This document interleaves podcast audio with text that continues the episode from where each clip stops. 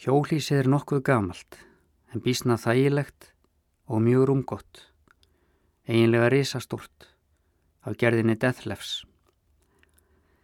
Þetta er svo kallað Beduínamótil sem reyndar gæti alltaf því talist vera móðgun við Arabæheiminn því sannir Beduínar hafa vita að ferðast létt, ekki með fleiri tonni eftir drægi. Hjólísið var búið að standa hér lítið notað í einhver ár þegar ég sá auglýsingu í bladi að það væri til sölu.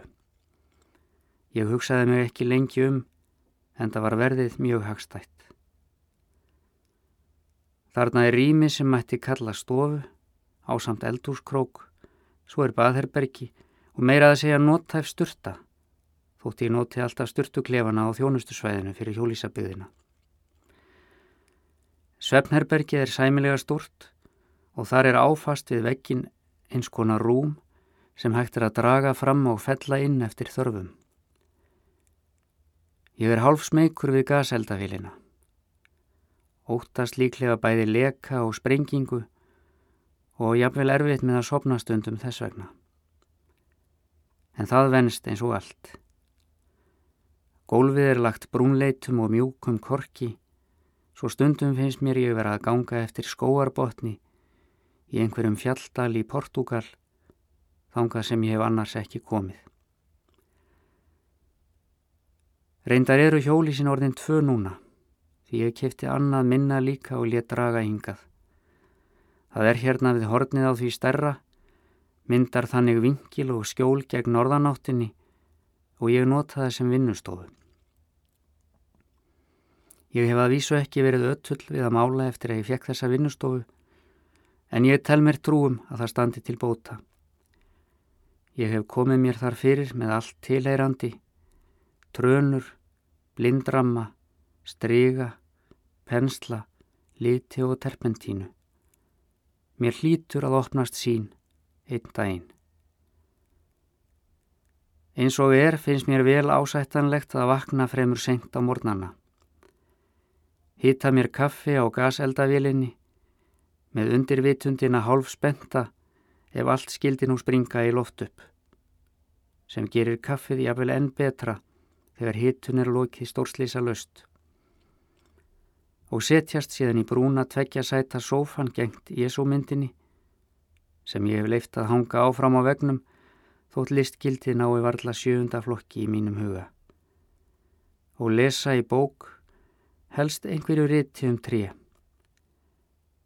Ég er með trí á heilanum um þessar myndir og það er alls ekki nóg fyrir mig að vera komin í hjólísi við skóarjæðar. Heldur verði ég líka að lesa bækur um trí. Mér þykir gott að skinja skóin í bókunum því pappirinn í þeim er úr erlendum skóum. Að vísu ætti þá að vera nóg að lesa hvaða bók sem er því þær eru allar sínishorn úr erlendum skóum ef úti það er farið en sem sagt, það eru tré sem ég vil lesa um. Samt þekk ég næstum engar tegundir af trjám og kann eiginlega ekki að mála þau. Ég veit ekki hvað þessi þráhyggja táknar. Kanski er ég að reyna að fikra mig gegnum myrkviðin í eigin sálarlífi, komast smám saman inn í opið rjóður til að litast um eða jafnvel hugleiða eftir allt saman, líkt og rauglæta konan. Þegar ég hef lesið að vild fer ég yfirleitt út í vinnustofu hjólísið. Er þar nokkra stund, blanda liti og fykta við pensla en dreg varla nema fáeinar línur á stryga eða blað. Það vantar einhvern innri kraft sem ég hafi. Eins og hugur og hönd starfi ekki saman lengur, hafi skilið eftir langt samband og hafi næstum óbeitt hvort á öðru. Þetta er undarleg tilfinning sem ég get varla tengt við ytri atvik.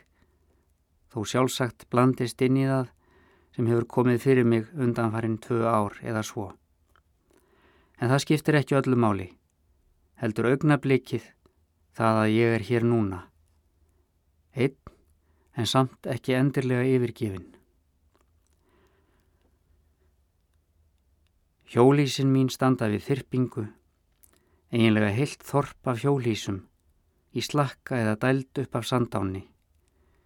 Ég er í jæðri þorpsins og á milli hísanna eru grónar flatir og tré, heilmikið af trjám og það er skjólsælt hérna í flestum áttum. Helst að norðangjólan sé kvimleið hér með sínum napra jöklablæi á vorin. Nú er komið há sumar og það er fullt af fólki í hjólísunum. Þegar ég kom hingað í vor sást varla nokkur maður og ég röldi einsamall innan um þessi málmhylki sem myndu mig við fyrstu sín helst á einhver hýbíli á plánitinu Mars. Úr amerískri framtíðarmynd eða sögu eftir Ray Bradbury nema gróðurinn í kringum þau var meiri. Á sléttunni rétt handan við jökulána var umhverfið aftur svipað og á fjörðu reykistjörnu frá sólu. Hvergi stingandi strá, aðeins rauðleitir sandflákar svo langt sem séð varð. Ég hef lítið kynst nágrönum mínum. Heilsað þó fólki þegar ég mæti því og skiptist á nokkrum orðum við það en mér finnst ég undarlega fjarlægur því eins og við séum varla frá sama netti. Ég veldi því fyrir mér hvort það sé fólkið eða ég sem komi frá annari stjörnu þótt að skipti varla máli. Fjarlægðin er staðreind. Mér þykir hún ekki alltaf góð. Að vísu vil ég hafa næði til að vera ég sjálfur og reikna með að þannig sé það með nábúana. Samt veit ég að maður er varla maður sjálfur nema í einhvers konar samspili við annað fólk, svo mótsagnakent sem það er. Á kvöldin leggur ljúfan einn frá grilluðu kjöti af pöllum hjólísana í kring. Hér eru allir búinir að smíða vandaða palla umhverfis húsin því þau eru aldrei eftir að fara neitt lengra. Sum eru jafnvel ekki hjólísi lengur í strángasta skilningi því það er búið að taka undan þeim hjólinn. Það er raunar sæmilegur pallur við starra í hólísið mitt sem fyrri eigandi hefur látið smíða en það þyrtið að bera á hann fúavörn og ég á ekkert grill. Ég horfi á friðsæla reykjarlopa stíga upp af gasgrillunum í kvöldkyrðinni og heyri óm af röttum, hlátur, stundum söng og í kvöldsólinni glampar oft á gullnar bjórdósir, snögg leftur eins og bjarmið frá lífi sem verður mér aldrei tiltækt. Ég hef aldrei lært að grilla. Þessi göfuga matarlist smáborgarans er mér lokuð bók. Ég á ekki einu sinni ómerkilegt kólagrill.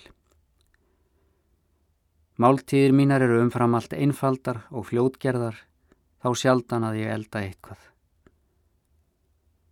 En stundum á kvöldin sitt ég í stól á pallinum með skissubók á njánum og rissa upp með kólakrít þessa gráleitu reykjarsveipi frá öðru tilveru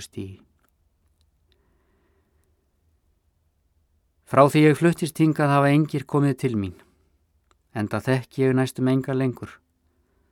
Það er með mig eins og flesta sem helga sig því sem kallað er list, þeir týna vinum sínum einhver staðar á leiðinni, týnast í sjálfum sér og halda statt og stöðugt að listin dugi til að bæta upp skort á mannlegum samskiptum.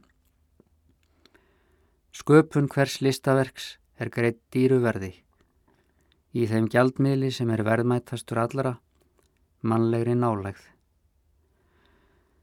Þess vegna eru listamenn yfirleitt fátækt fólk.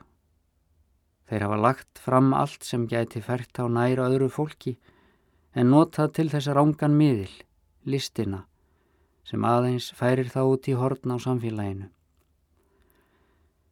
Kanski er það þetta sem orsakar að mér gengur erfiðilega að hvessa viljan til að skapa.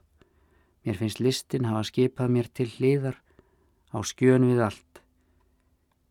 Í upphafi vildi ég aðeins nálgast aðra með myndunum mínum og helt fyrir mitt leiti að ég væri að því.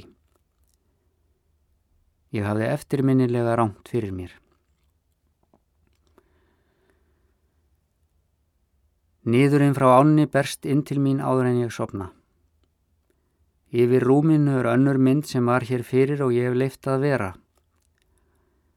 Hún er af manni á fleka og leið niður frum skóarfljót, ákaflega ítla máluð reyndar, En ég fann samt strax einhvert frumstæðan kraft í henni og þessi einmanna maður og leiðniður fljótið í halvrökkrinu varð mér á vissanhátt sérkennilegan ákomin.